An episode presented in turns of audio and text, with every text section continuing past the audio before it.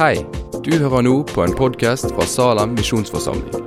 En menighet i sentrum av Bergen. Vil du vite mer om oss eller komme i kontakt med oss, gå inn på salem.no. Yes, Spennende tema i kveld. Jeg heter Gjermund Øystese. Jeg jobber i eh, laget. Og så holder jeg en del foredrag for en organisasjon som heter Familie og medier. Jeg er 28. For dere som ikke, ikke kjenner meg, da. Har bodd i Bergen i, eh, ja, i åtte år, egentlig. Så ja, veldig kjekt å være her i kveld. Først en uh, liten uh, historie uh, fra mitt eget liv. året etter videregående så tok jeg DTS på Skjærgårdsheimen på Sørlandet. Og jeg gikk inn på den DTS-en med et litt annet fokus enn det jeg egentlig burde hatt. Um, jeg gikk inn på den DTS-en med fokus om å sette av et år til Gud. Og samtidig et år der jeg gjerne ville få meg en kjæreste.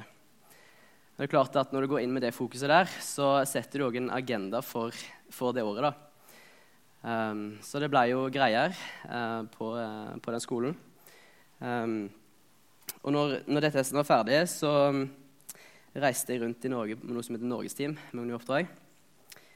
Og Da var vi i, i Sulesund på Møre. Uh, hadde kanskje denne utsikten her. Så jeg satt nede i fjæra da hadde en av lederne på det teamet han hadde utfordret meg veldig. Han sa til meg at Gjermund, um, du skal ikke bare vurdere å sette av et år til Gud og ikke fokusere noe på jenter. Og jeg kjente at uh, Ja. Det var ikke en tanke som momentant slo inn hjertet mitt som en ting jeg virkelig hadde lyst til å gjøre. Um, men uh, så satte meg ned i, i fjæresteinen, um, og så tenkte jeg at ja, jeg kan jo be til Gud om dette her, da, i hvert fall gi det en liten sjanse. Så kjente jeg momentant at uh, ja, det var noe jeg skulle gjøre. da. Um, og når jeg satt der, så, så, fikk jeg tre bibelvers til meg. Jeg visste ikke konteksten til de bibelversene, men jeg fikk det i den rekkefølgen. Johannes 8, 1. Tessalonikerbrev 4.35 og 1. Peters brev kapittel 3. Så jeg gikk inn og så, da, slo opp. Um, og Johannes 8 snakker om ord til en, en, Jesus snakker til en kvinne som har begått ekteskapsbrudd, eh, der han sier til å gå bort og synde ikke mer. Så jeg følte at det talte litt til min, eh, min fortid um, og de greiene som jeg hadde uh, vært borti på videregående. Um, Første Tessalonikerbrev 4.35 sier at du skal vinne din kone i hellighet og ære og ikke sanselig begjær, sånn som hedningen gjør. Det følte jeg talte litt til min, min nåtid, da. det fokuset som vi skal få lov til å til å ha. Og med å gi et år til Gud så, så um, fikk jeg lov til å vinne en kone i hellighet og ære. Og 1. Peters brev kapittel 3 er overskriften 'Ord til ektefolk'. Så jeg, ja, det passet jo veldig godt da, uh, i forhold til at det kanskje talte til framtida mi. De tre bibelversene gjorde i hvert fall at jeg valgte det året å gi, gi det til, til Gud. Um, dagens tematikk er noe som alle har kjent på. Det berører tanker som de fleste har tenkt, men òg ting som vi kanskje ikke har snakket så veldig mye om. Det går på det dypeste planet eh, i mennesket. Vi er skapt i Guds bilde, og vi er skapt til relasjoner. Relasjon til Gud og relasjon til hverandre. Alt med Gud vitner jo egentlig om, om relasjoner. Gud sier allerede i første Mosebok at han så at det ikke var godt for Adam å være alene. Derfor skapte han en hjelper av samme slag til Adam. Men det faktum at, at Gud anerkjenner vårt behov for å ha noen å stå nær, det betyr ikke nødvendigvis at det eneste rette er å bli gift. Her i kveld så tipper jeg at vi har gifte par, eh, forlovede par, folk som er på gang, folk som har vært på gang, folk som nettopp har gjort det slutt, og folk som har vært single en stund. Vi vet alle hva det temaet her går i. Vi kjenner oss igjen i, i de tankene rundt det temaet. Kristian har spurt meg tidligere i vinter du, Gjermund, har du lyst til å holde en tale om eh, kristen og singel. For det har jo du litt tanker om. Og jeg bare ja vel. Skal jeg ta det som et kompliment, eller um, Men jeg må, innrømme at det, det, har vært både krevende og interessant å jobbe gjennom denne tematikken. Samtidig er jeg veldig glad for å ha blitt spurt om det, fordi det har gitt meg muligheten til å få sette ord på en del tanker som både jeg og venner av meg, folk i bibelgruppa mi, eh, har snakket om og satt ord på gjennom utallige samtaler. I kveld skal vi få lov til å utforske dybdene i det å være singel. Jeg håper at denne talen blir litt som en, sånn, ja, litt som en kvinnes uh, skjørt. Lang nok til å dekke det viktigste, men kort nok til å vekke interesse. Så får vi, får vi se hvor vi, hvor vi, ender i kveld. Kveldens tale vil, vil, uansett ta tak i noen elefanter i rommet her. Eh, tematikken vil både dreier seg rundt det å være singel, hvilket fokus en bør ha som singel, men òg det uunngåelige, eh, hvordan en beveger seg i landskapet når en navigerer etter en lengsel om å finne noen å dele livet med. Jeg har lyst til å belyse både styrker og utfordringer med det å være singel. Både ut ifra personlige betraktninger fra meg sjøl og venner, og ikke minst gjennom Guds ord.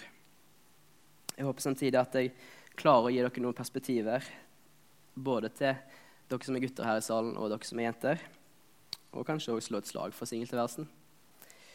La oss be. Kjære Gud. Takker deg at du er til stede her i kveld med din ånd, Jesus. Ber om at du eh, gir av din visdom gjennom meg nå. Ber om at du må åpne hjertene til hver og en som sitter i salen her, Jesus. Og du velsigne denne kvelden. I Jesu navn. Amen.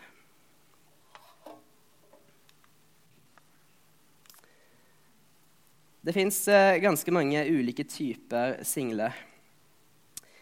Um, og hver single person har forskjellige erfaringer og befinner seg i ulike situasjoner i, i livet. Først har han f.eks. aldersforskjellen. Det er ganske stor forskjell på å være singel som 20-åring i forhold til det å være singel som 30-åring, 40-åring, 70-åring. Det er òg forskjeller når det kommer til omstendigheter. Noen har aldri gifta seg. Andre er skilt. Og noen er enker og enkemenn. Og så har du òg uttrykksmessige forskjeller. Noen har valgt å være single og er veldig fornøyde med det valget.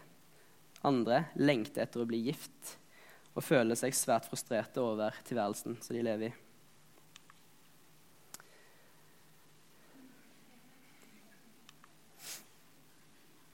For et par år siden hadde jeg en samtale med Jørgen Petersen. for de av dere som kjenner han. Hvor jeg sa til han, 'Jørgen, nå er det fem år siden jeg har hatt kjæreste.' Så sier Jørgen, 'Ja, ja, det har nå gått bra med deg for det om.' Jeg kan le litt av det sitatet der. Um, og det var på ingen måte vondt meint fra Jørgens side. Men likevel så er det noen ting her som vi ofte sier. For når vi snakker om folk som er single, så er det veldig lett å si Hvordan kan han eller hun være singel? Han, hun er jo så bra. Som om det var naturlig at bra mennesker skal gifte seg. Eller nå er det snart på tide at, eh, at, der, at hun finner seg noen, vel. Nærmer seg jo 30. Hva premisser er det vi legger når vi sier sånne ting? At når en når en viss alder, så skal en være gift? Det er like betydningsfullt å være singel som det er det å være gift. La oss banke det inn først som sist. Og Likevel så er det ingen selvfølge i sosiale settinger. En god venn av meg som nærmer seg 40, han fortalte meg at han var veldig frustrert over å være på sosiale sammenkomster. Han er singel, og han opplevde at hvis han ville gå tidlig hjem fra fest, så kunne folk spørre han, ja, men hva skal du gå hjem til. da? Men hvis det var en familiefar som var på samme fest, som ville gå tidlig hjem, så var det helt greit, fordi han hadde jo en familie å gå hjem til. Og Der tenker jeg at der er det et eller annet som ikke er helt bra. Dersom en er gift, så er saken en helt annen. Dette illustrerer litt poenget mitt. At det bør være like verdig å være singel som å være gift. Men det oppleves ikke alltid sånn. Og kanskje enda mindre oppleves det sånn i kristne sammenhenger. En ting vi heller ikke snakker så mye om, er hvordan det oppleves når noen, når noen nære venner gifter seg. Ofte vil de nygifte de vil trekke seg unna for en liten stund. Det er jo naturlig. sant? Nyte hvetebrødsdagene. Men utfordringen er at den single vennen eller venninnen til de gifte fremdeles har samme behov for vennskapet som før, før giftermålet. Hva skal en gjøre da? Ikke kan en si at det er ugreit at ekteparet bruker mye tid sammen. Og Samtidig, for mange så frister det ikke alltid så mye heller å, å drive og stresse med å finne seg nye venner. For det er noe med de vennene som du har kjent en stund, som bare kjenner deg for den du er. Det der er et vakuum å befinne seg i, og jeg tror en del her inne kjenner seg igjen i den tematikken. Derfor er det sånn at Noen ganger så kan det faktisk føle seg litt som at folk løper fra en i livet. Litt sånn left behind, som dere ser på bildet her. At en står igjen på perrongen med, med lua i hånden og ser livets tog gå ifra en. Som om det er det eneste viktige er å bli gift. Bibelen vitner om en litt annet. Paulus, Lukas, Silas, Titus, Apollos, Lydia, Føbe, Philips fire ugifte døtre med flere var single. Alle jobba de steinhardt for Guds rike. Jesus gifta seg jo heller ikke. En mann som er det ultimate forbildet for oss. Vi skal komme tilbake til Paulus og hva han sier om singeltilværelsen. Men først skal vi utforske en av de store elefantene i rommet her i kveld. Nemlig forventninger. Som menneske så beveger vi oss i et spenn av tanker og følelser. Vi har alle grunnleggende behov som vi trenger å få dekka. Disse behovene er avhengig av at andre mennesker møter oss på dem. Vi er altså prisgitt våre nære relasjoner. Men det gjør òg at livet ofte oppleves som en berg-og-dal-bane, hvor en i det ene øyeblikket har det helt strålende, før en raser utfor en bakke og kjenner at ting er ut, utrygt og utfordrende. Vi er i stadig forandring, både karaktermessig og utseendemessig. Og ting som kanskje ikke forandrer seg like lett, det er våre forventninger til hvordan ting skal være. Nemlig bildene som vi lager oss av framtida. Det kan være hvordan livet skal se ut når en er 30. Det kan være hvordan en kone eller en mann skal være. Det kan være hva type jobb en skal ha når en har tatt en viss utdannelse. Magnus Malm, som har skrevet denne boken, her, 'Som om Gud ikke fins', fantastisk god bok, han sier noe om det her. Han sier at vi mennesker har en seigliv av vane til å skape oss mentale bilder av saker og ting. Vi er til en viss grad avhengige av disse bildene for å kunne orientere oss i livet. Ellers ville vi antakelig gå fra forstand og lammes av total forvirring. Samtidig tar vi en stor risiko med disse bildene. De kan på merkelig vis begynne å trekke oss bort fra virkeligheten, i stedet for å hjelpe oss å orientere oss i den. Videre skriver Malm. Jeg hadde et ganske tydelig bilde av min blivende kone da vi sto foran alteret for 40 år siden, men visste veldig lite om hvem hun egentlig var. Ekteskapet kan beskrives som en utrolig strevsom reise fra bilde til virkelighet. Ikke rent få bilder ligger forkasta langsmed veien. Og vi har lært oss the hard way at virkeligheten er uendelig mye rikere og mer uforutsigbar enn bildene. De fleste lager seg forventninger eh, på ulike områder som de ønsker skal bli innfridd. Ofte så måler en livet sitt opp mot disse forventningene. Og det her er det så utrolig viktig å være bevisst på, akkurat det her med forventninger. Fordi at mange av de valgene som vi tar i det daglige, blir styrt av de bildene som vi har skapt oss. Og kanskje enda mer av hva vi tror at andre forventer av oss. Det kan gjøre mange veldig slitne, spesielt når en ikke når opp til de forventningene. En venninne sa til meg at jeg blir så sliten av å være den jeg tror at andre vil at jeg skal være.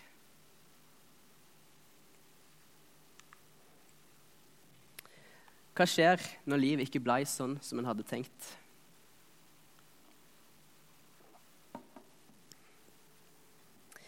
Vi lever i et samfunn som holder oppe at idealbildet er at vi skal finne oss noen å dele livet med.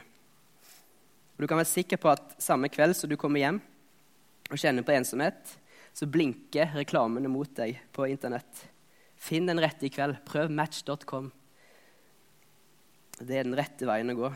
Og som kristen er det kanskje et ekstra trykk på å finne den rette. Dersom en ikke når opp til disse forventningene, så har en lett for å degradere sin egenverdi. Livet ble ikke sånn jeg hadde tenkt, kan en tenke. Og med en gang en kjenner på den tanken der, så kommer frykt, skam og ensomhet sigende inn i livet. Frykten for det ukjente fordi du vet ikke hvordan ting kommer til å bli. Skammen over at en ikke har funnet den ene å dele livet med. Og så kommer ensomhetsfølelsen veltende inn. Visste dere at 30% av unge voksne er ensomme? Hva i all verdens dager kommer det av? Jeg kan kjenne meg ensom etter å ha vært i Salem en kveld. Kan komme hjem etter å ha hatt utrolig mange gode samtaler. Og likevel kan disse her ensomhetsfølelsene bare velte inn over meg. Det oppleves veldig irrasjonelt, spesielt når du har vært sosial en hel kveld. Forventninger de bygger også på perfeksjonisme, og det er en ting som virkelig florerer i mediene. Det er som et isfjell som folk prøver å klatre opp på, men som de fleste ender med å skli ned igjen. For det første så lager mange seg en illusjon om hvordan den perfekte kone eller mann skal være. Det er ofte sammensatt av mange ulike elementer. Det kan være romantiske forestillinger fra filmer og TV-serier. Kanskje til og med fra pornografi. Personligheter og egenskaper til folk en liker. Utseende til andre igjen. Her er det en ting som jeg har lyst, litt lyst til å, til å nevne. Um, nemlig at jeg tror mange av oss merker hvor lett det er å la seg rive med av filmer.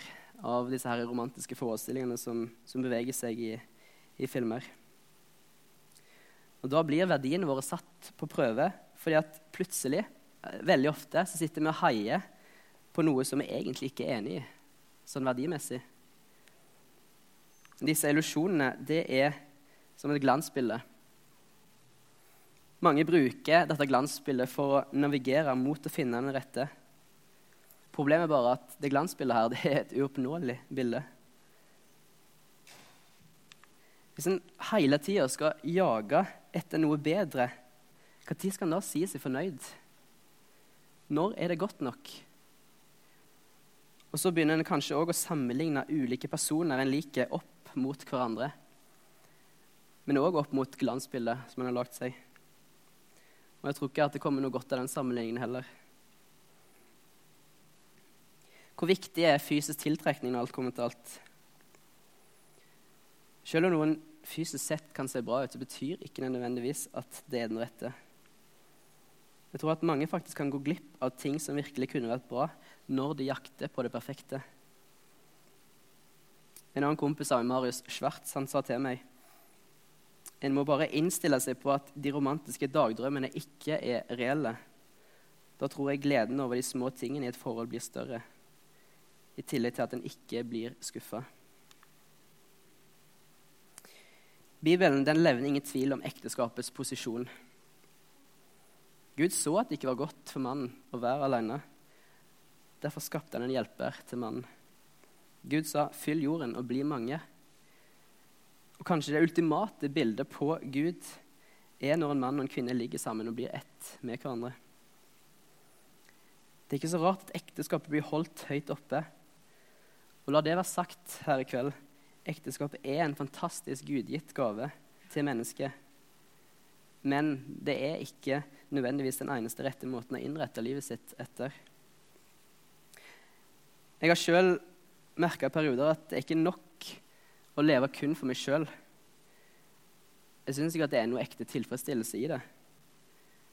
Når jeg lever for en større hensikt gjennom Jesus, når jeg setter mitt eget liv til side for å hjelpe andre, for å lytte til andre, da kjenner jeg en veldig mye større glede i livet mitt.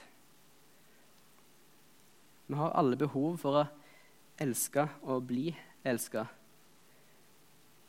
Men kan det være at kristne legger for mye fokus på ekteskap som selve nøkkelen til lykke? En venninne av meg sa for en stund tilbake vi må feire hver fase av livet. Dette tror jeg veldig på. Men det er òg lettere sagt enn gjort å etterleve det. Igjen fordi at vi har så lett for å måle oss opp mot bildet vi har skapt av hvordan ting skal være, og så bli misfornøyd med tingenes tilstand. En annen venninne sa frukten av tilstedeværelse er takknemlighet. Og det tror jeg òg veldig på. Når vi er til stede i vårt eget liv, i den fasen vi er i, ser oss rundt, puster, observerer og tenker, så blir en fullt av en takknemlighet over alle gode ting. Og bare det å få lov å være til.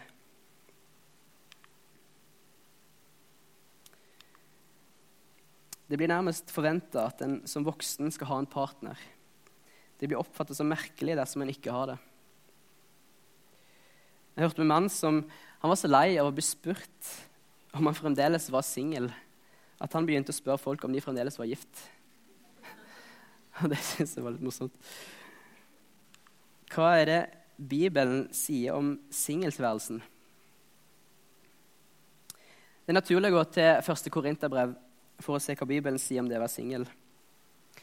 Første Korinterbrev er et utrolig juicy brev. Det er konflikter, det er rykter, det er dramatikk. Få andre bøker i Bibelen beskriver svakheten til både mennesker, men også kristne spesielt, bedre enn denne boken gjør. Det er et enormt sexfokus i det, i det korintiske samfunnet. Mye skilsmisser, søksmål Mange relevante ting som kunne vært skrevet rett inn i vår tid. Og Her er det en ting som jeg kunne ha brukt en hel kveld på å snakke om. Men hvordan skal vi som single forholde oss til seksualiteten vår? Enten en er singel på kort sikt eller hele livet, så er dette her like fullt en problemstilling som en må forholde seg til. Fordi seksualiteten vår er så stor del av den vi er. Skal en temme den, eller skal en ha et avslappa forhold til den? Det er ofte det spørsmålet folk står på.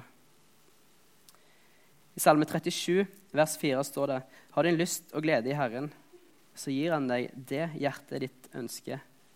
For dere har en far som vet hva, det, hva dere trenger, før dere ber Han om det. Det er faktisk dette nonner og munker ofte svarer når noen spør dem om hvordan de klarer å holde seg. Det er totalt motsetning i forhold til hva samfunnet vårt sier. Og totalt motsatt i forhold til hva stadig flere kristne tar etter i forhold til holdninger som verserer i samfunnet. Det er et vanskelig område å forholde seg til, det er et vanskelig område å navigere på. Men det er på ingen måte en umulighet å holde Stine sine regner Og Samtidig så må det være sagt inni det her at det alltid er lov å starte på ny. Det er det nåden handler om. At du gang på gang får lov å bli reist opp igjen av Gud. At det ikke er meint at du skulle ligge liggende nede. At du bare skulle få lov til å ta imot Guds nåde og starte på ny. Enten du har falt gjennom sex, onani eller porno eller andre ting. I forhold til singeltilværelsen er det samtidig også utrolig fint å se hvordan Paulus ser på troende som hellige i Korinterbrevet, til tross for deres uhellige oppførsel. Han prøver på en klok måte å få dem til å forstå at de er tempel for Den hellige ånd. Det står i 1. Korinterne 3,16 og 6,19. Og Paulus han lengter etter at de skal rette seg etter å leve som Jesus. Han lengter etter at de skal bygge karakter. La oss derfor se litt nærmere på hva ulike positive aspekter det er med å være singel. Å være singel, det er en gave. Men at det å være singel og ha hatt en litt negativ status, det er ikke noe nytt. Jødenes Talmud, dvs. Si sitater og uttalelser fra jødiske skriftlærde, fra helt tilbake til Jesu tid, sier direkte at en mann som er over 20 år og ikke er gift, han lever i synd. Det er ganske tydelig. Men Paulus snakker om det som en gave i 1. Korinterne 7, 7. Og Jesus sier at det er godt for de som har fått den gaven, i Matteus 19, 11. Mens ekteskapet bringer mange gleder og lettelser på visse områder, så gir det faktisk òg en del distraksjoner. Paulus snakker om akkurat det her i 1. Korinterne 7, 26-28. Nemlig at i vanskelige tider har en som er singel, mye større frihet enn en som er gift. Det er et stort ansvar å være gift, og det vil ta mye fokus i perioder. Nettopp derfor er singeltilværelsen en kjempemulighet. Det er en gave.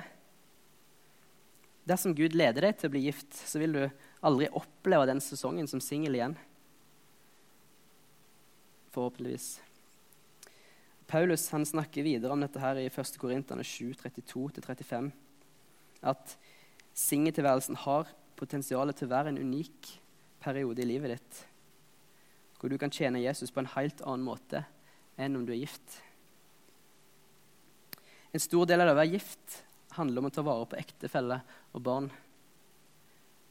Dette skal selvsagt ta mye tid og vil gå utover som har, tid som en har til rådighet ellers. Derfor er det heller ikke noe tilfeldighet at mange aktiviteter i kirken, her i Salem f.eks., som er helt avhengig av folk som ikke er gift. Derfor vil jeg si at dersom du er singel, så vil jeg anbefale å fokusere på mulighetene det bringer, framfor å fokusere på hvor kjipt eh, en kan ha det, og kjipe ting som måtte komme opp i, i tankene.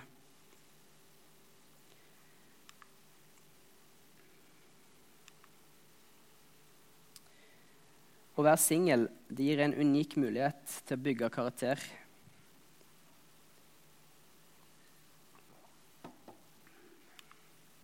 Og Angående med karakter så vil jeg si at vær mer opptatt av din karakter enn av ditt rykte. Fordi karakteren din er hvem du er. Ryktet ditt er bare hvem folk tror at du er. Og la oss face det. Den store elefanten nummer to her i kveld er at alt ordner seg ikke sjøl om du blir gift. Ekteskapet er ikke den endelige løsningen på alle problemer det er det kun Jesus som er. De tingene som en sliter med som singel, og hvis en er i et forhold, vil en òg slite med når en blir gift, dersom en ikke tar et oppgjør med det. Uten Jesus i sentrum så vil ekteskapet bare føre sammen to egosentriske mennesker som søker sjøltilfredsstillelse fra den andre. Jeg tror ikke nødvendigvis det blir så god dynamikk av det. Så velg derfor å bli den rette framfor å jage etter den rette. Og ta deg i vare for å leve i framtiden og tenke at alt vil jo ordne seg. Med det mener jeg at ikke bygg identiteten din på hva du håper skal komme. Men bygg den på Gud, og la Han fylle lengslene dine. Vi skal være ærlige her og si at mange av oss savner noen å dele livet med. Men jeg tror samtidig at dette savnet òg kan være et savn etter en dypere intimitet med Gud. Jeg tror at vi, vi lengter etter helhet, og derfor så lengter vi etter kjærlighet, som dypest sett er et uttrykk for Gud. Du kan bruke tiden din som singel på å sitte og føle deg deprimert og ensom. Du kan kaste bort masse tid på desperat jakt etter en partner, hvor du bruker all din fritid på å være rundt folk i sammenhenger hvor det kan finnes potensielle partnere. På den andre siden kan du bruke tiden på Guds ord, på bønn, i lovsang, med å stille opp for andre, i tjeneste. Og når tiden er inne, tror jeg at Gud vil introdusere deg for en livspartner.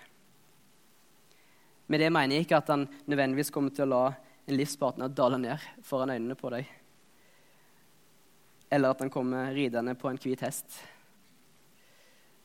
For det begynner med deg sjøl. Hvis du vil ha en gudfryktig mann eller kone, så må du bli den type person som den personen du kan tenke deg har lyst til å gifte seg med, nemlig et gudfryktig menneske. I ordspråkene 31-30 står det Ynde svikter og skjønnhet forgår, men en kvinne som frykter Herren, skal ha ros. Som gutt så vil jeg faktisk si det så sterkt Jeg vet ikke om jeg kan si det ordet her i Salem, men eh, jeg vil si det så sterkt som at en jente som elsker Jesus, er virkelig sexy. Og det mener jeg. Det å prioritere tid med Gud, det viser hva fokus du har. Og jeg tror at det er den minst egoistiske handlingen du kan gjøre. Fordi at det å prioritere tid med Gud vil potensielt sett komme flest mulig mennesker til gode. Samtidig er det ikke rart at det å bruke tid med Gud er den største utfordringen vår. Når det òg er den største nøkkelen til frihet, både som gift og som singel. Det å bygge karakter det handler om den tiden som ingen ser, i det berømte lønnkammeret med deg og Gud, og i hodet ditt, i de daglige små valgene du tar. Jeg tror nemlig ikke at det er i de store valgene at en bygger karakter, men snarere hvert enkelt lite valg. Det er jo de som danner grunnlaget for de større valgene. det er noe med det å ta tak i ting når det oppstår. Jeg tror noen av oss, når en rydder rommet, meg inkludert, har en tendens til å putte ting i poser og håpe at alt rot eh, forsvinner av seg sjøl. Det er utrolig lett å flykte når en opplever utfordringer i livet. Enten det står på valg, eller når en opplever reelle utfordringer. Men det å flykte, det å putte ting i poser, det vil ikke ta vekk utfordringene. En må ta tak i ting for å få orden på livet og gå gjennom prosesser. En vokser ikke med å gå utenom, men med å gå gjennom. En som har en solid karakter, er heller ikke redd for å vise hvem den egentlig er. Da vil en være så trygg på seg sjøl at det er ikke farlig å vise svakhet. Og ofte er det når mennesker ser hvem vi egentlig er, at de virkelig begynner å like oss. Jeg tror at Karakter og ærlighet det henger uomtvistelig sammen. Det samme gjør kjærlighet og ærlighet. For så to ganske like ord òg. Derfor er det et stort paradoks at vi gjennom ønsket om ærlighet likevel ofte ender med å ta på oss masker og prøve å vise oss uten svakhet. Vi må forstå at det er når vi er svake, at vi er sterke. Det er når du gir opp din rett til å bestemme over eget liv, at Gud kan gjøre, sin, gjøre sitt verk gjennom sin nåde i deg. Derfor tror jeg òg Paulus sier i 2. Korinterbrev 12,19 at min nåde er nok for deg, fordi at kraften fullendes i svakhet. Derfor vil jeg helst rose meg over min svakhet, for at Kristi kraft kan ta bolig i meg.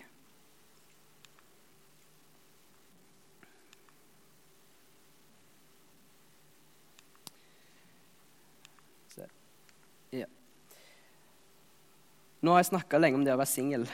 Og samtidig er det sånn at majoriteten av oss kommer til å komme i et forhold før eller siden med det formålet å bli gift.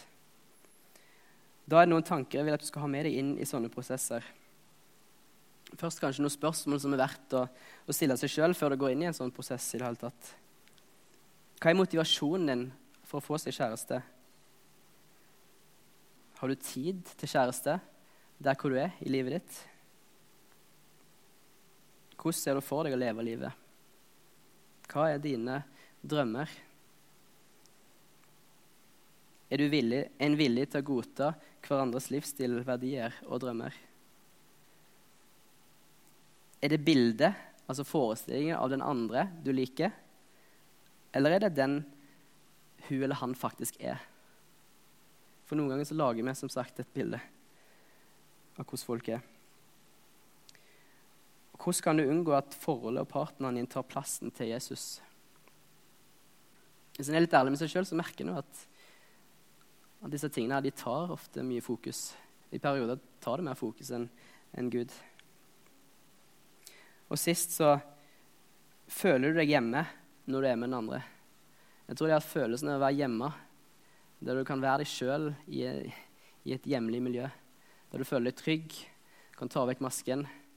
Jeg tror hjemme oppsummerer ganske godt en følelse som en bør ha med den en blir i lag med. En kompis av meg han sa til meg før han skulle på date Jeg må bare få det overstått. Jeg følte det sitatet sa mer mellom linjene. Mange av oss er fryktelig redd for å bli avvist. Det kan hindre deg fra å tørre å prøve og tørre å gi noen en sjanse. Andre igjen kan gråte over spilt melk, over misbrukte sjanser, over jenter eller gutter som en sa nei til, eller som sa nei til deg. Men plutselig så ble de så sinnssykt attraktive fordi at de ble sammen med noen andre. Til slutt her så er det noen tanker som kan hjelpe deg på veien. Finn en partner som elsker Jesus mer enn han eller hun elsker deg. Ikke glem å spørre Gud om råd. Det er så utrolig lett å gå til andre først. Men igjen, søk først Guds rike. Det gjelder òg i denne sammenhengen. Til jentene her i rommet ikke ha deres sikkerhet i den kommende kjæresten, men jobb med å ha deres sikkerhet i Gud. Og til gutter jenter de er personer, de er ikke objekter. Bli kjent med den andre for den vedkommende er, ikke for den du ønsker at han, hun, han eller hun skal være. Ikke gå inn i et forhold med en tanke om å forandre den du blir sammen med. Hvorfor prøver du å få meg til å være noen jeg ikke er? Jeg vil ikke være en masete kjerring. Jeg er din kone. Et sitat fra Gone Girl. Gresset er grønnere på den andre siden, har han hørt bli sagt. Men gress er bare grønt der hvor det blir vanna og gjødsla. Eller alternativt, denne hørte jeg faktisk her om dagen. Gresset er ikke grønnere på den andre siden. Det fins ikke gress på den andre siden. I tilfelle er det brunsvidd. Å være i et forhold det er en gave, det er en frihet. En eier ikke den en er gift med. Det er et gode. Et ektepar som har vært gift i et par år, de sa at sjøldisiplin er en god ting. Det å vente med sex til en gifter seg, er en god ting. For da kan nemlig den andre parten være sikker på at du klarer å være disiplinert resten av ekteskapet og har liten sannsynlighet for å være utro. Øv deg på å inngå kompromisser og si til deg sjøl det går helt fint. Det gjør ikke noe at du ikke får viljen din alltid. Ha det gøy med det uperfekte. Ufarliggjør ting i forholdet. Sett pris på de små gledene i livet. Og lær deg å sette pris på de menneskene som er ulike deg sjøl, mens du er singel. Til slutt to sitater fra to personer som jeg ser litt opp til. Den ene er fra Jørgen Petersen. Han sa jeg lurer på hvordan de onde dagene i ekteskapet blir. Det kan bli løye. Og så er det en som heter John Stott, en kjent kristen filosof. Han sa Guds generelle vilje for mennesker er ekteskapet. Vi single må ikke motstå den sannheten. Ekteskapet er det normale, singellivet er det unormale. Så bibelsett er ekteskapet det som forventes, men singellivet er eksepsjonelt. Han var singel hele livet. Kjære Jesus, takker deg for at du hjelper oss å navigere i dette landskapet, Herre. Jeg ber om at du må tale til oss klart og tydelig, Herre, hva fokus vi bør ha, Jesus, i møte med mennesker som kommer på vår vei, Herre. Jeg ber om at du hjelper oss å søke deg først, Herre. Og du kaster lys over disse tankene i hvert enkelt sitt liv her i kveld, Jesus. Og velsign resten av kvelden. I Jesu navn. Amen.